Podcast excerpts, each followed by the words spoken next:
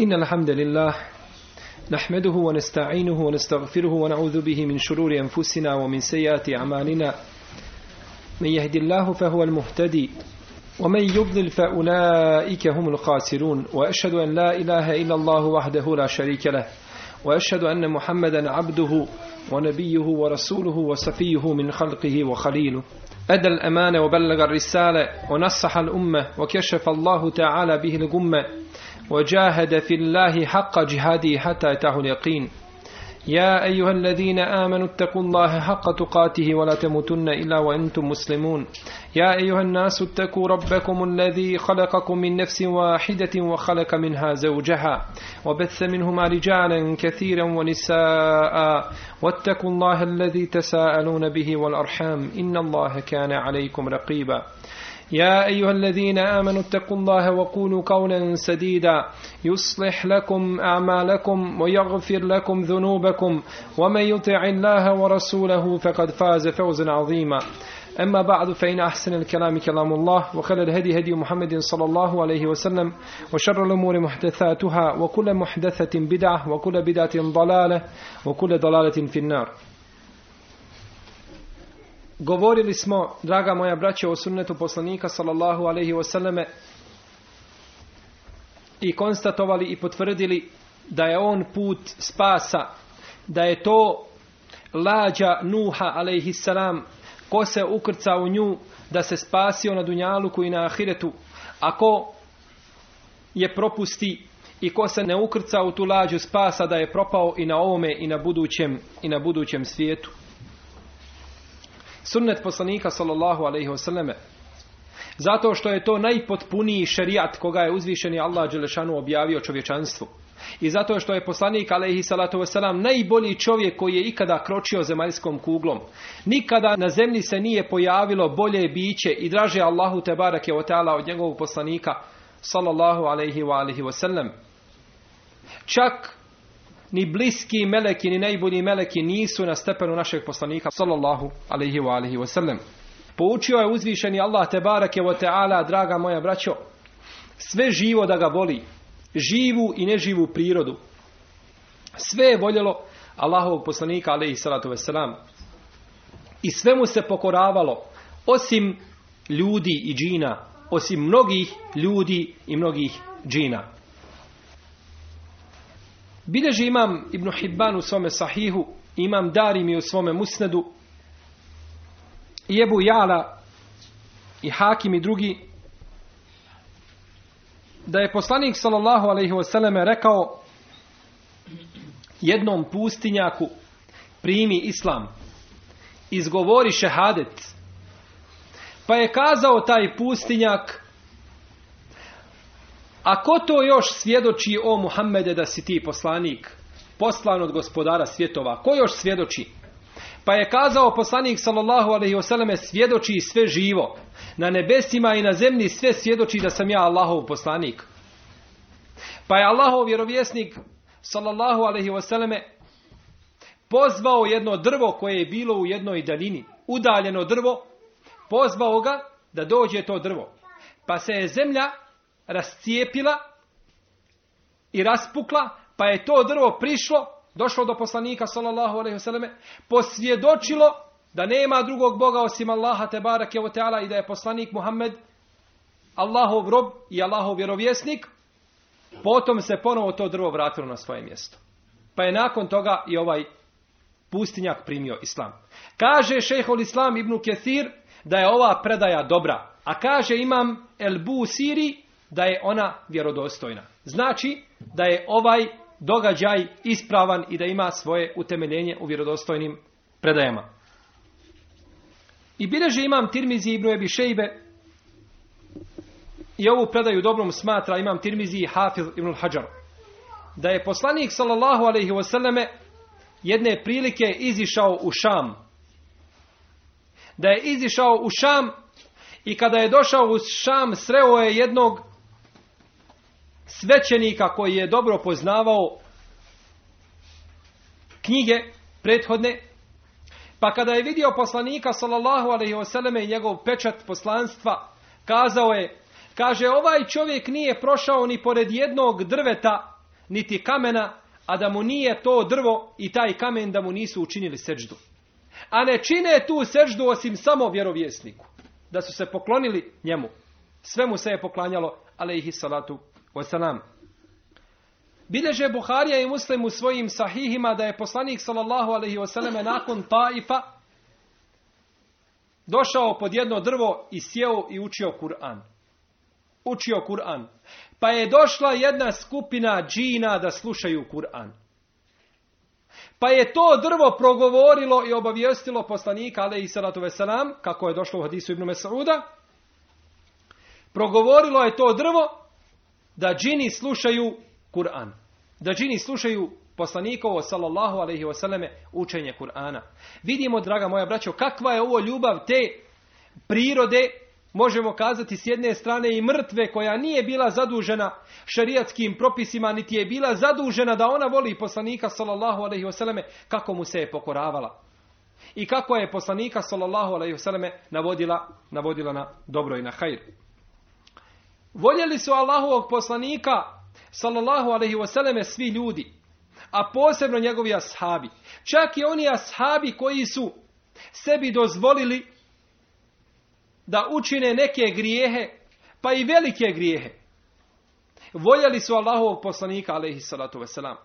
Bileže imam Buharija i Muslim u svojim vjerodostojnim hadijskim zbirkama da je jedan čovjek pio alkohol. Pio je alkohol, pa su ga bičevali. Pa je ponovo pio alkohol, pa su ga bičevali. Pa je tako uradio tri ili četiri puta. Pa kad su ga jedan put priveli da ga bičuju, kaže jedan od ashaba, Allah ga prokleo. Koliko je samo puta bićevan i opet se ne smiruje. Opet pije, opet pije alkohol. Pa je kazao poslanik sallallahu alaihi wasallame, La tel'anuh, fe nefsi bijedih, inni ma alimtu illa ennehu yuhibbu Allaha wa rasula. Ne proklinjete ga, tako mi onoga u čijoj je ruci moja duša, ja ne znam ništa nego da on voli Allaha i poslanika. On jeste nepokoran, on jeste konzumirao alkohol i činio jedan od velikih grijeha i prestupa, no međutim, on voli Allaha Đelešanu i voli poslanika, sallallahu alaihi wa alihi wa sallam. Bileži imam muslim u svome sahihu, Ibn Mađe, El Bejheqi i drugi, da je Ebu Bekr jednoga dana došao kod Omera radijallahu anhu, pa mu kazao, o Omere, hajde da posjetimo umu Ejmen. Poslanik sallallahu alejhi ve je imao običaj da posjeti tu ženu. Hajmo kaže posjetiti je kako je poslanik sallallahu alejhi ve posjećivao. Pa su krenuli. Kada su došli do nje, kada je vidjela njih dvojicu, odmah se je prisjetila poslanika alejhi salatu ve selam. Jer braćo u brojnim hadisima kod Buharije i Muslima se navodi, došli su Ebu Bekr i Omer kod poslanika sallallahu alejhi ve selleme. Ashabi kažu, došao sam i zatekao Ebu Bekra i Omara kod poslanika, sallallahu alaihi sallam.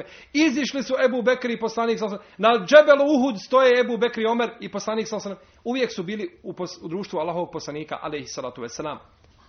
Pa kad je vidjela Umu Ejmen, kad je vidjela njih dvojicu zaplakala je. Pa su joj kazali, zbog čega plačeš, majko naša? Zbog čega plačeš? Poslaniku, sallallahu alaihi wasalam, je uistinu ljepše ono što je kod njegovog gospodara. Zbog čega žališ?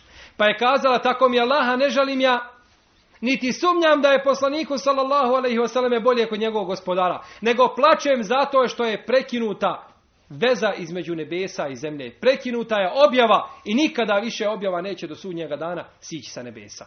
Nikome. Onako kako je silazila Allahovim poslanicima. Pa su onda Ebu Bekr, pa, su, pa ih je rasplakala njih dvojicu, pa su njih dvojica također počela plakati skupa, skupa sa njom. Jer najveći braćo musibet za čovjeka jeste musibet smrti poslanika sallallahu alaihi wasallam i njegovog odlaska sa ovoga svijeta. To je najveći musibet za muslimane. Nema većeg musibeta. Zato je nama kazao naš poslanik sallallahu alaihi wasallam kada nekoga od vas zadesi musibet, kaže neka se sjeti mene u svome musibetu. Neka se sjeti moje smrti i moga napustanja ovoga dunjaluka, kakav je to samo musibet. Pa će ga proći sve njegove muke na koje nailazi i probleme jeli, sa kojima se sa kojima se susreće. Ovaj hadis je zabilježio imam Darimi i on je vjerodostojan zbog mnoštva puteva kojim se navodi. Bilježi Ibnu Sad i Darimi i spominje ovu predaju imam Zehebi u Sijeru Alamin Nubela, da Ibnu Omer kada god bi spomenuo neko poslanika sallallahu alaihi wasallame da bi zaplakao. Nikada niko nije mogao spomenuti ime poslanika sallallahu alaihi wasallame a da ne bi zaplakao. Pogledajte braćo te ljubavi prema Allahovom vjerovjesniku. Kada se god čovjek sjeti njega alaihi salatu wasallam da zaplače, sigurno je to ono što ukazuje da je taj koji tako postupa bio iskreni sljedbenik Allahovog poslanika sallallahu alejhi ve da se poučio njegovom sunnetu i da ga je u praksu i da ga je u praksu sproveo. Kaže Ebu Bekar radijallahu anhu kako bilježe Buharija i Muslim, tako mi Allaha, draže mi je da se lijepo ophodim prema bližnjima poslanika sallallahu alejhi ve selleme prema njegovoj rodbini nego prema svojoj vlastitoj rodbini. Draže mi je da spojim rodbinske veze sa poslanikom, alaihi salatu wasalam, rodbinom, nego sa vlastitim svojima bližnjima, jeli? Zato što je to rodbina poslanika, sallallahu alaihi sallam, zbog toga će čovjek biti posebno, posebno nagrađen. A neki su ashabi govorili, draže mi je, kaže, da budem dobar i da se lijepo ophodim sa Alijom radijallahu anhu, nego sa Ebu Bekrom. Iako je Ebu Bekr bolji od njega. Ebu Bekr je bolji od Alije, po konsensusu ehlu sunneta wal džemata. Bolje od Alije.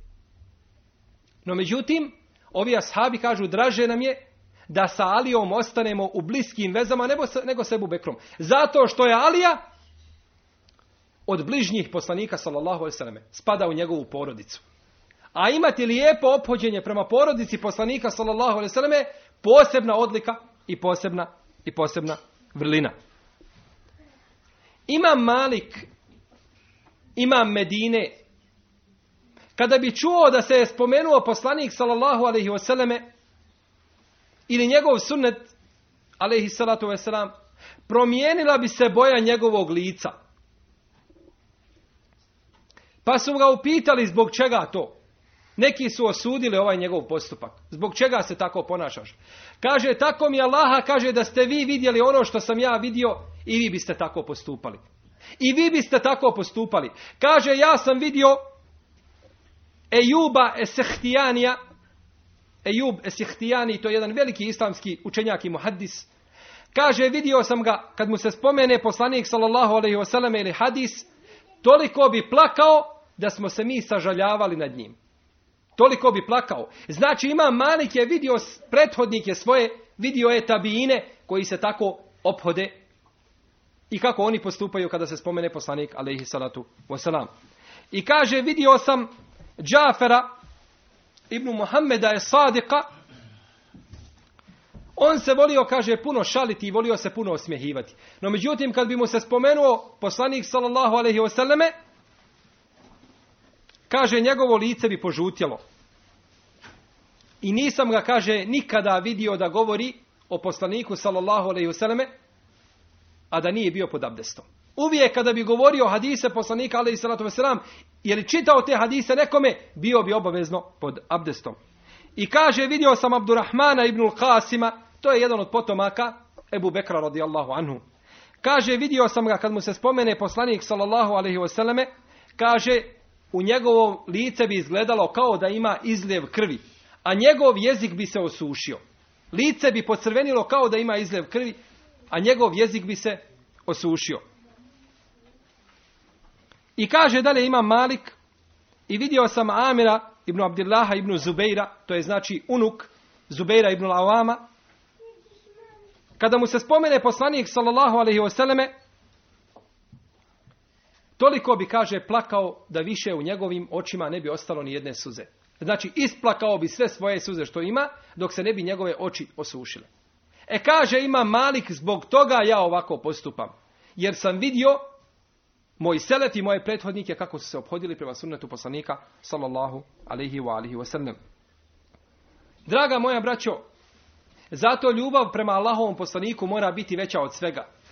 Pogledajmo mi po našim dunjalučkim kriterijima, kako mi vrijednujemo i kako dokazujemo da neko voli nekoga. Kako dokaže čovjek svojoj majici da je voli. Kako dokaže svojoj ženi da je voli. Kako dokaže svome bratu muslimanu da ga voli. Jedan od vladara kraljeva u Egiptu je pozvao jednog pjesnika za koga se govorilo da ga puno hvali. Da ga puno hvali i da u tom smislu da je spjevao brojne stihove o svojoj ljubavi prema tom kralju. Taj kralj ga je pozvao jedne prilike sebi i kazao mu, je li tačno da ti zagovaraš da mene voliš?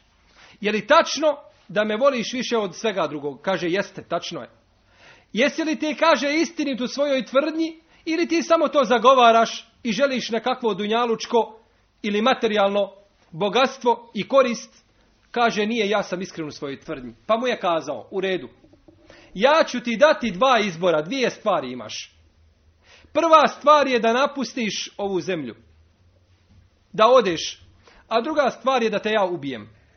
Izaberi jedno od to dvoje. Ako me voliš, onda izaberi jedno od ovo dvoje. Pa je kazao, ne, otići ću iz zemlje. Otići ću. Kada je izišao od tog kralja, naredio je taj kralj svome slugi da ga ubije. Kaže, ubij ga. Kaže, zbog čega da ga ubijem? Čovjek ništa nije učinio. Kaže, ubij ga, on je lažov. On laže. Kaže, on da je mene istinski volio, on bi bio spreman da pogine za mene. A kaže da je pristao da pogine za mene, kaže, ja bi mu dao pola svoga carstva i stavio bi ga pored sebe na stolicu. Da bude kralj sa mnom skupa. Kaže, ubij ga, on laže, jer kaže, dok je bio spreman da ode od mene, onda sigurno laže. Nije spreman bio da pogine za mene. U redu. Ako mi ljudi gledamo da neko ko nas voli treba biti spreman da pogine za nas, kakva je onda Kakav je onda slučaj sa poslanikom sallallahu i ljubavi prema njemu alejhi salatu Treba čovjek da bude spreman dati i svoj imetak i svoj život i svoju porodicu i sve što ima na dunjaluku za poslanika sallallahu alejhi za njegov sunnet, za ovu vjeru i za ovaj din kojim je došao Allahov poslanik sallallahu alejhi ve sellem. Zato jeste braćo najveća blagodat nama što je uzvišeni Allah dželle se smilovao i poslao nama poslanika nama kao i drugim narodima koji će nas upućivati na dobro, odvraćati od zla, koji će narediti da se obožava samo uzvišeni Allah te barak je koji nema sudruga u vlasti. I da bude jedino vjera uzvišenog Allaha te barak je ona ta koja, je, koja se praktikuje. Znači da nema drugih božanstava mimo Allaha te barek, da se očisti zemlja od širka i od, i od kufra. A svakako da je od svih poslanika naš poslanik Muhammed sallallahu alejhi najviše truda uložio u širenju vjere. I kroz najveća iskušenja je prolazio u svome misionarskom putu. Uputio je svoj umet na veliko i malo. Ništa nije ostavio jedne jedine sitnice, a da nije ukazao na nju. Da je nije naredio, a također nije ostavio ni jedne sitnice, a da je nije zabranio, da je nije zabranio svome umetu.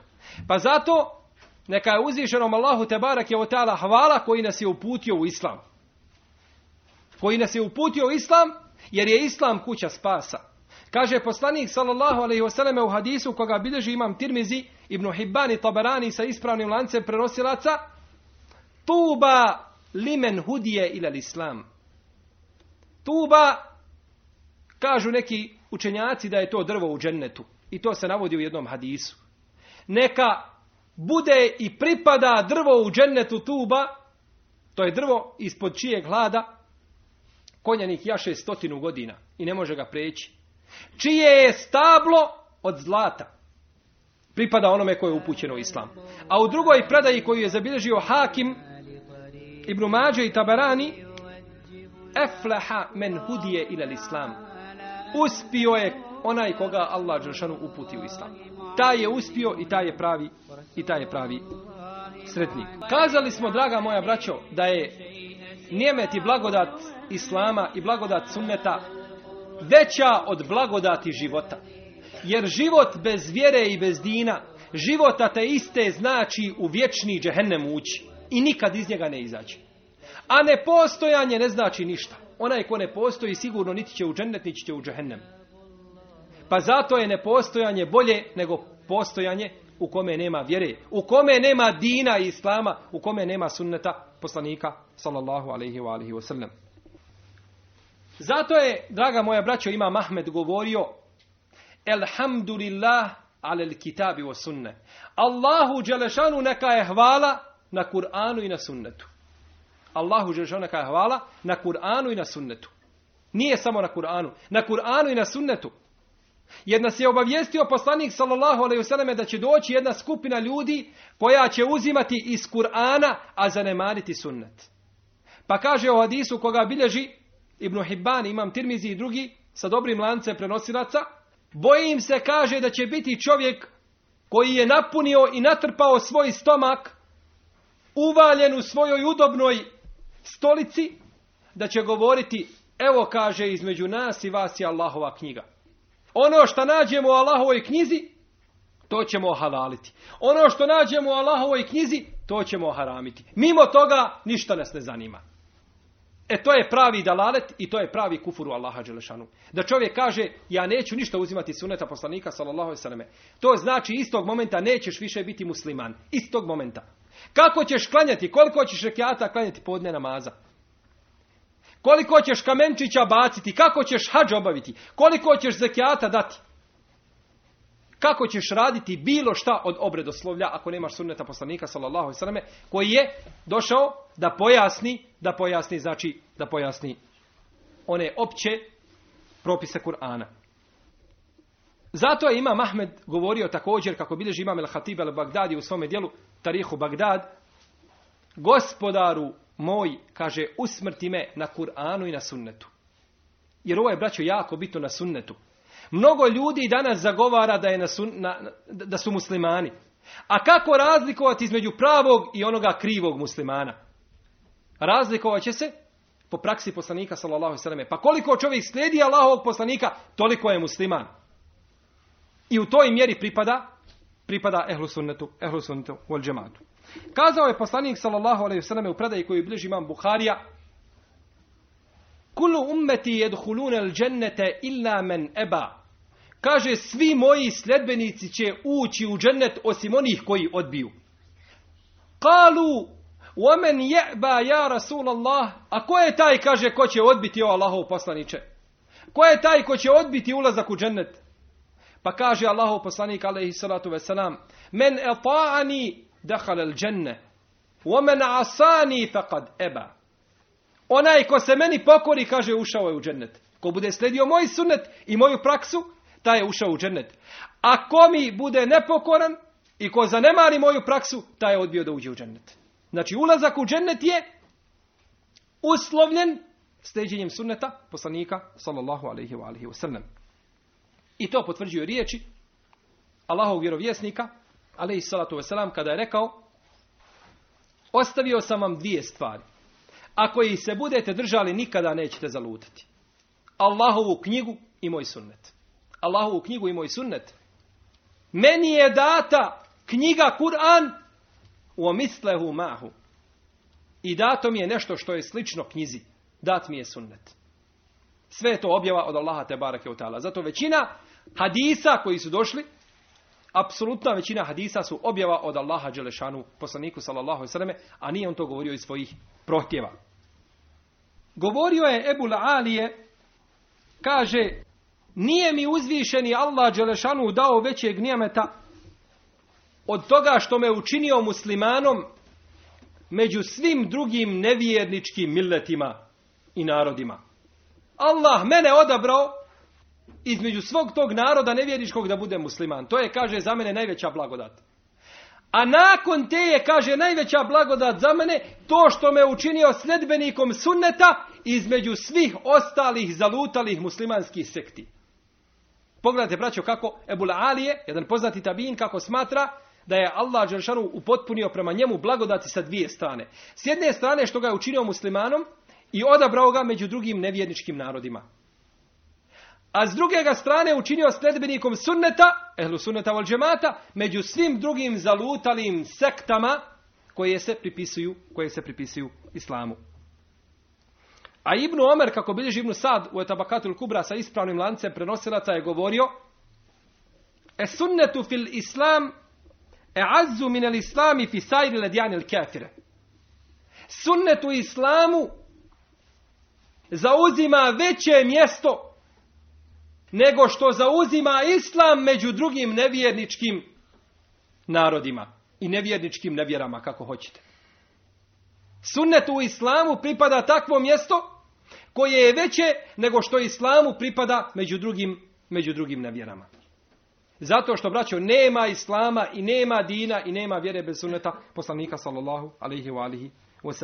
I ovo spominje imame Sujuti u svome dijelu Miftahul Dženne od Ebu Bekra ibn Ajaša. Iste znači ove riječi koje smo mi spomenuli od Ibn Omara radijallahu ta'ala anhu. Zbog čega je Ibn Omer radijallahu anhu kazao da ovakvo mjesto pripada pripada sunnetu. Zato, draga moja braćo, što su sljedbenici sunneta, da je njih manje među muslimanima, nego što je broj muslimanima, broj muslimana među ostalim nevjernicima. Znači, broj sljedbenika sunneta među muslimanima je manji nego što je broj muslimana između svih ostalih nevjernika. Koliko ima muslimana koji se danas pripisivaju islamu? A daleko su od sunneta poslanika sallallahu sallam. Sigurno oni koji slijede ispravno i dosljedno put poslanika sallallahu sallam su kudi kamo manji od onih koji se samo pripisuju islamu i koji samo zagovaraju svoj islam. Dakle, draga moja braćo, sunnet poslanika sallallahu alejhi ve je on nam garantuje uspjeh na ovome i na budućem svijetu. Prenio nam ga je naš poslanik alejhi salatu ve selam od svoga gospodara, onako kako je to Allah dželešanu htio. I jedna od blagodati jeste to što je nama sunnet sačuvan onakav kakav je bio u vrijeme Allahovog poslanika sallallahu alejhi ve selleme, originalan bez izmjena, promjena, izvitoperenosti, sve je ostalo onako kako je kako se činilo u vrijeme Allahovog poslanika sallallahu alejhi ve sellem. U najmanju ruku to je sačuvano u knjigama. Da čovjek se može uvijek vratiti na taj sunnet i potvrditi legitimnost, odnosno neutemeljenost dotičnog ili nekog dijela koje čini. Može znači uvijek provjeriti. Jer je nama naš sunnet braćo prenesen vjerodostojnim putima. Naredio je poslanik sallallahu alejhi da se ovaj sunnet uči, izučava i da se prenosi i da se prenosi na druge. Pa kaže poslanik, alaihi salatu wasalam, Ela fel yubellig e šahidu min kumul gaibe. Kaže, neka od vas prisutni podsjeti i neka ove moje riječi prenese odsutnom. Uvijek je tako poslanik sallallahu alaihi sallam govorio. Moje riječi koje kažem prenesite onim muslimanima koji nisu čuli. U drugom hadisu koga bilježi ima Mahmed Tirmizi Ibn Abdul Ber u svome dijelu El Džamije, El Hatib El Bagdadi u svome dijelu Šarefu Ashab El Hadith, Arama Hrumzi u El Muhaddisu El Fasil i drugi, kaže poslanik sallallahu alaihi wasallame, Nadbar Allahu imran semija minni meqaleten, kema semijaha, fe rubbe mubelligin ewa lehu min samir. Allah se smilovao osobi koja čuje od mene neki hadis, moj govor, pa ga prenese onako kako ga je čula. Zato neki islamski učenjaci kažu da je čovjeku obaveza da prenosi hadis kao Kur'an. Ne da on nešto od sebe govori u hadisu, niti ga da ga prenosi u značenju, nego da ga prenosi onako kako ga je čuo. Po ome hadisu. Kako ga je čuo. Možda kaže onaj kome se prenosi hadis da će ga bolje razumjeti nego onaj koji ga je prenio. I u istinu je tako. Mi imamo ravije kroz stoljeća, ravije hadisa kroz stoljeća koji su prenosili hadise.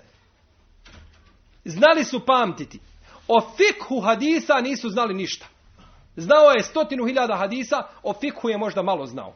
Allah se smilovao osobi koja čuje od mene neki hadis, moj govor, pa ga prenese onako kako ga je čula. Zato neki islamski učenjaci kažu, da je čovjeku obaveza da prenosi hadis kao Kur'an. Ne da on nešto od sebe govori u hadisu, niti ga da ga prenosi u značenju, nego da ga prenosi onako kako ga je čuo. Po ome hadisu. Kako ga je čuo. Možda kaže onaj kome se prenosi hadis da će ga bolje razumjeti nego onaj koji ga je prenio. I uistinu je tako. Mi imamo ravije kroz stoljeća, ravije hadisa kroz stoljeća koji su prenosili hadise. Znali su pamtiti. O fikhu hadisa nisu znali ništa.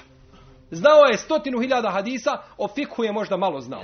Ali su zato došli islamski učenjaci nakon njih, koji su živjeli u kasnijim stoljećima, pa uzeli te hadise koji su se prenijeli, koji su prenešeni na način i onako originalno kako je kazao poslanik sallallahu alejhi ve pa su ih oni razumjeli. Razumjeli su ono što nisu razumjeli oni koji su ih prenosili. I to samo ukazuje na potvrdu ovoga hadisa. Da čovjek možda koji čuje hadis, da će ga bolje razumjeti nego oni, onaj koji ga je čuo i koji ga je prenio. Najjači hadis u islamu, koji je mutevatir, ili jedan od mutevatir hadisa, jesu riječi poslanika sallallahu alaihi wasallame Belligu anni walau aje. وحدثوا عن بني إسرائيل ولا حرج ومن كذب علي متعمدا فليتبوى مقعده من النار Prenesite, kaže, od mene makar jedan ajet. Prenesite od mene makar jedan ajet. I pričajte i prenosite od židova, od Venu Israila, nema smetnje u tome. To jeste ono što je potvrđeno sa našim šarijatom, a bilo u njihovom šarijatu, prenosite to, ne smeta. Ako na mene namjerno slaže, neka sebi pripremi mjesto u vatri. Belligu ani vole u aje, prenesite od mene pa makar jedan ajet, makar jedan dokaz, jedan hadis, koliko znaš, prenesi. E to je naredba poslanika sallallahu alejhi ve da ljudima da prenose i da druge poučavaju njegovom sunnetu. Koliko danas ima muslimana koji vole sunnet i koji praktikuju sunnet, ali ne rade po ome hadisu. Drže ga za sebe. Nisu znači postupili po naredbi Allahovog vjerovjesnika sallallahu alejhi ve alihi wasallam. Dakle, možemo iz prethodno spomenutog zaključiti da je poslanik sallallahu alejhi ve nama ukazao na sve što nam treba na našem dunjaluku i ahiretu. Ništa nam mimo toga ne treba. A to potvrđuje i predaja koju bilježi Imam Ibn Abi Shejbe i El-Bejheqi u Šobal imanu, da je poslanik sallallahu alejhi ve rekao: "Ma terektu shay'in yuqarribukum min al-jannati wa yub'idukum 'anil nari illa kad bayantuhu lakum." Nisam ostavio ni jednu jedinu stvar koja vas približava džennetu, a udaljava vas od vatre da vam je nisam objasnio i da vam je nisam naredio. Ni jednu jedinu stvar. Sve znači što nas približava ka džennetu tu je. Što znači, braćo, da je vjera upotpunjena. Sve što te približava Allahovoj milosti i Allahovom džennetu sve je tu. Znači padaju u vodu riječi onoga ko kaže da u vjeri imaju šta? Lijepe novotarije. Lijepa novotarija koja me približava Allahu. Tako mi Allaha svaka te novotarija udaljava od Allaha. Svaka novotarija. Taman je ti smatrao lijepom i dobrom, ona te samo udaljava od Allaha. Jer poslanik sallallahu alejhi ve kaže: "Nisam ostavio ni jednu stvar koja vas približava ka džennetu, to jest Allahovoj ka Allahovoj milosti, a da vam nisam objasnio tu stvar i kazao vam, poučio vas toj stvari." Znači nisam ništa ostavio i nisam ništa ništa propustio. Bileži imam Buharija u svome sahihu u poglavlju Bidul Halq, početak stvaranja, od Omara radijallahu anhu kaže Ustao je poslanik sallallahu alaihi wasallam između nas pa nam je držao hutbu, vazio nam, govorio. Pa je spomenuo, kaže, početak stvaranja. Početak stvaranja i pričao je, kaže, sve dok stanovnici dženneta nisu ušli u džennet, a stanovnici vatre nisu ušli u vatru. Zapamtio je ko je zapamtio, a zaboravio je ko je zaboravio. Pogledajte, braćo, brižnosti poslanika, sallallahu alaihi prema nama. Pričao je o stvaranju ljudi. Kako je počelo stvaranje? Od Adema, alaihi I završio je na kraju sa ulaskom dženetlija u džennet i sa ulaskom džehennemlija u džehennem. Sve nam je, kaže, spomenuo Zapamtio je ko je zapamtio, a zaboravio ko je zaboravio. To je ono što poslanik sallallahu alejhi ve kaže u titu džavami el kelim. Dat mi je jezgrovit govor. Ima li taj čovjek koji može od sabaha ili za jedan određeni vremenski period, kako se navodi u drugim hadisima od sabaha do akšama, da može ispričati sve što će se desiti na Dunjaluku i što se desilo od prvih do posljednjih. To je nemoguće. To samo može poslanik, alaihi salatu veselam, kome je dat je zgrovit govor, koji je nadahnut od Allaha te barake o teala, da sa malo riječi i sa jako kratkim izrazima može kazati ono što je bilo i ono što će, i ono što će biti. U jednoj predaji koju bilježi imam Ahmed od Ebu Zara radijallahu anhu, kaže poslanik sallallahu sallam se poučio svim stvarima. Nije, kaže, čak ni ostavio pticu koja maše svojim krilima u nebeskim prostranstvima, a da nas nije poučio o toj ptici i nije nam znanje dao o toj ptici. Kako leti? No, međutim, ako ovoga hadisa imaju izvjesne, ovaj, imaju uh, izvjesni prigovori i imaju izvjesna razilaženja oko njegove vjerodostojnosti. U dva sahiha kod Buharije i kod muslima od Huzeife radijallahu anhu stoji da je rekao ustao je poslanik sallallahu alejhi ve između nas pa nam je govorio i obavještavao nas o onome što će biti. Onome što će kaže biti sve do sudnjega dana. Od početka stvaranja ljudi pa do sudnjega dana. A u drugoj predaji koju bilježi ima muslim kaže ustao je poslanik sallallahu alejhi ve selleme jednog jutra nakon sabah namaza pa se popeo na mimber. Pa se popeo na mimber. Pa nam je govorio do podne, pa je sišao i klanjao podne namaz. Potom se ponovo popeo na mimber, pa nam vazio i govorio do ikindije. Pa je sišao i klanjao ikindiju, potom se ponovo popeo na mimber i tako je sve uradio do izakšama. Pa je kazao, poslanik sallallahu alaihi wasallam, rekao nam je, sve kaže što će biti do sudnjega dana. Nije ostavio, kaže, ni jednu stvar, a da nas nije obavijestio o toj stvari. Pogledajte, braćo, ovdje, ovdje dvije stvari možemo vidjeti. Pogledajte samo kako su ashabi bili brižni da uče i da slušaju poslanika, sallallahu alaihi wasallam. Ko je taj ko može pratiti izlaganje i predavanje od sabaha do akšama? Mi ponekad govorimo pola sahata ili sahat pa vidimo uspavana lica, uznemirena, dekoncentrisana lica i tako dalje. Nisu spremni da prate ni jedan dio od onoga što su pratili ashabi. Svi su to slušali. A braćo da su se oni ponašali onako kako se mi ponašamo danas, znajte da mi ne bismo imali ovo što imamo kod nas. Ne do dragi Allah da smo mi ti koji trebamo prenositi vjeru. I da mi treba da se borimo za vjeru i da opstanak vjere ovisi o nama i o muslimanima poput nas nikada narod ne bi vidio hajra i svjetla. Jer sigurno ono što su uložili ashabi, to ne mogu uložiti generacije nakon njih. Jer nisu spremne, nisu spremne da ulože i svoj razum, i svoje tijelo, i svoj imetak, i svoj porod, i sve što imaju na Allahom Đeršanu putu za očuvanje njegove, za očuvanje njegove vjere. I druga stvar koju vidimo u ome hadisu jeste brižnost poslanika sallallahu alejhi ve prema nama, da nas pouči. Njegova brižnost. I u tom smislu kaže Allah te ve taala: "Laqad ja'akum rasulun min anfusikum azizun alayhi ma anittum harisun alaykum bil mu'minina raufur rahim." Došao vam je poslanik jedan od vas od vaše kože, vašim jezikom govori i vi njegov porod i njegovo porijeklo znate. Njemu teško pada ono što će vas nalaziti. Problemi i iskušenja u koja ćete vi ulaziti i upadati, njemu teško padaju. Harisun alejkum, on je brižan prema vama.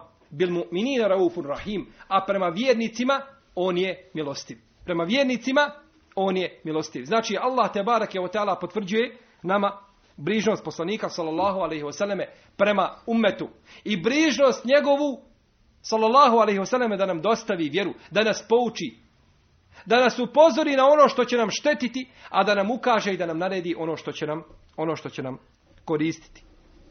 Zato kaže Aisha radijallahu ta'ala anha u predaji koju bilježe Buharija i Muslim, ko bude smatrao ili ko kaže da je poslanik sallallahu alejhi ve selleme sakrio ili da nije prenio nešto od vjere, neka zna, kaže da je takav znajte, kaže, da je takav iznio potvoru na Allaha te barake Ko pomisli ili bude tvrdio da je poslanik sallallahu alejhi ve nešto sakrio, takav je iznio potvoru na uzvišenog Allaha azza Sve je prenio, sve čime je zadužen. I nije Allah te barak je o teala uzeo dušu poslaniku sallallahu alejhi ve dok ga nije dok mu nije objavio, znači i upotpunio svu vjeru. El jeume ekmeltu lekum dinekum.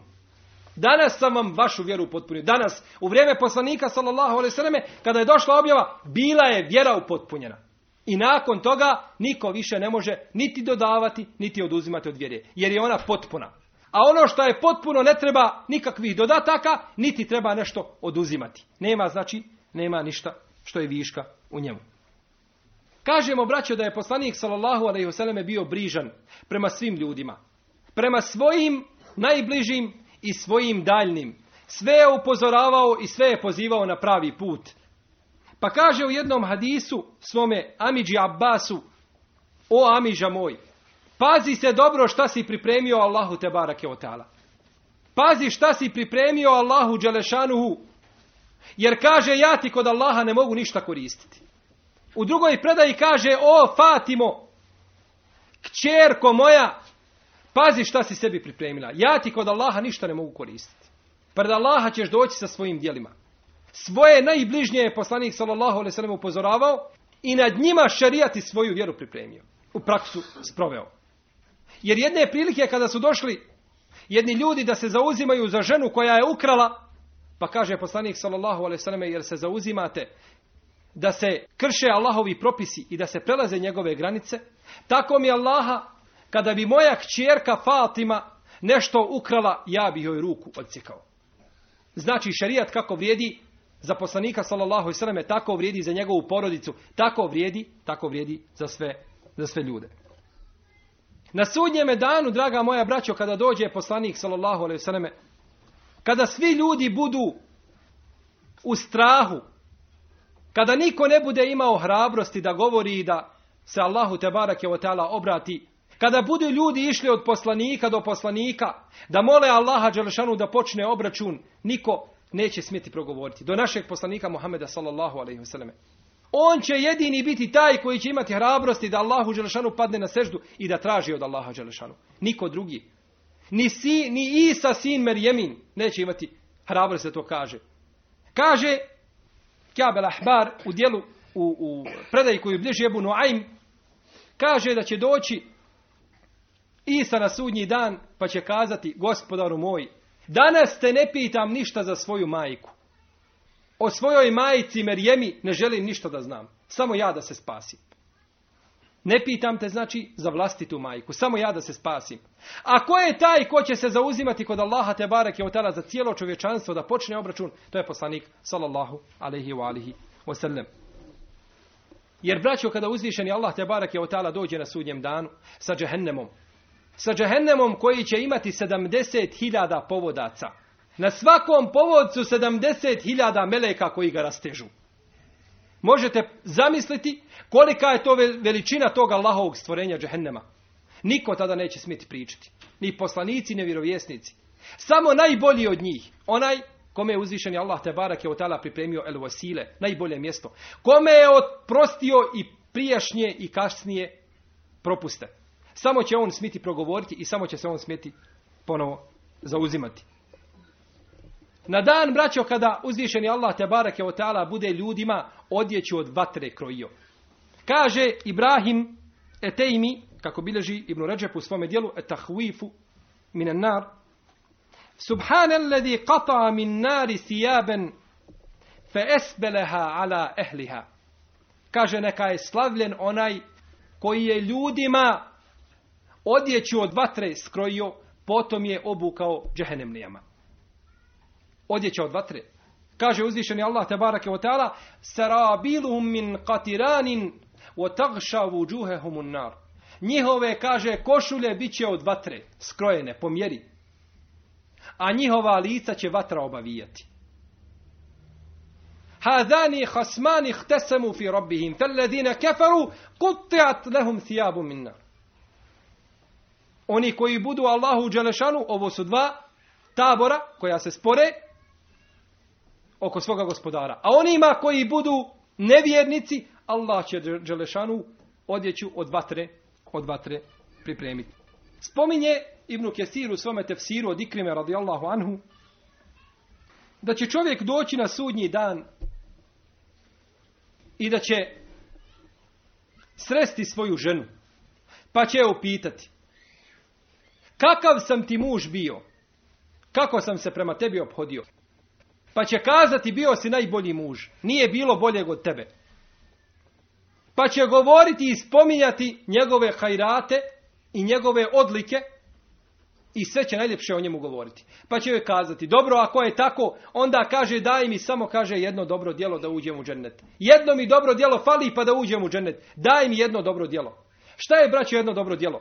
Jedno dobro je djelo da čovjek prouči jedan harf iz Kur'ana. A to je deset dobrih djela. Daj mi znači desetinu jednog harfa koga si proučila iz Kur'ana. Samo mi to treba, ništa više. Pa kaže, kako je malo to što ti tražiš.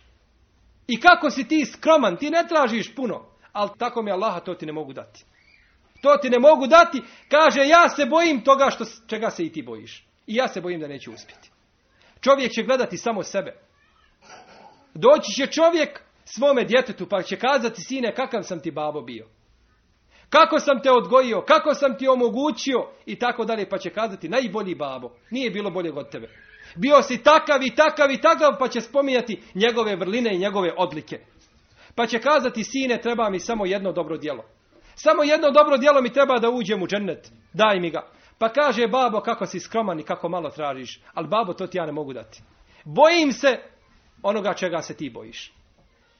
Vidimo, draga moja braćo, kad čovjek bude bježao od svoje žene i od svoga roditelja i od svoga brata, prisnog i druga, samo da će poslanik sallallahu alejhi ve biti taj koji će se zauzimati za svoje sledbenike i koji će se zauzimati za sve ljude općenito.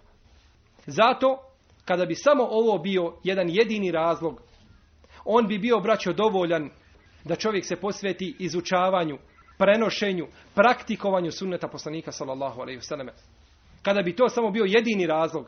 A kako onda kada uz to sve dodamo da će čovjek koji se drži sunneta, da će uspjeti na ovome i na budućem svijetu, da će ući u džennetska prostranstva i da će ući znači, u najveće stepene dženneta, u Firdeuse gdje će boraviti iskreni, dobri i šehidi i poslanici i vjerovjesnici svakako. Zato, draga moja braćo, čovjek da bi bio pravi sledbenik sunneta poslanika sallallahu alejhi mora prije svega naučiti sunnet. Jer da nam ne bi sunnet bio tradicija, nešto smo zatekli i čuli od nekoga da je sunnet bez dokaza, bez argumenata i tako dalje, bez bejinata, nego samo da se čini. Zato čovjek mora znači posvetiti jedan dio svoga vremena da izučava sunnet, da ga pamti, da ga na druge prenosi i da ga on praktikuje. A praktikovanje sunneta je svakako najbolja, najbolja dava. Mi ćemo nastaviti uz Allahu te barake ta'ala pomoć govoriti o sunnetu poslanika sallallahu alejhi ve u našim narednim izlaganjima. Dotaćemo se jednog pitanja koje je vezano za akaid, a to je teberruk, to je traženje blagoslova od poslanika sallallahu alejhi ve Vidjet ćemo kako su to radili ashabi, kako su to radili oni koji su živjeli poslije poslije ashaba. Molim Allaha te barake da nas pouči sunnetu poslanika sallallahu alejhi ve da nas učini od iskrenih sledbenika sunneta, da nam najbolje muči naša zadnja djela. Sallallahu ala nabina Muhammedu wa ala alihi wa sahbihi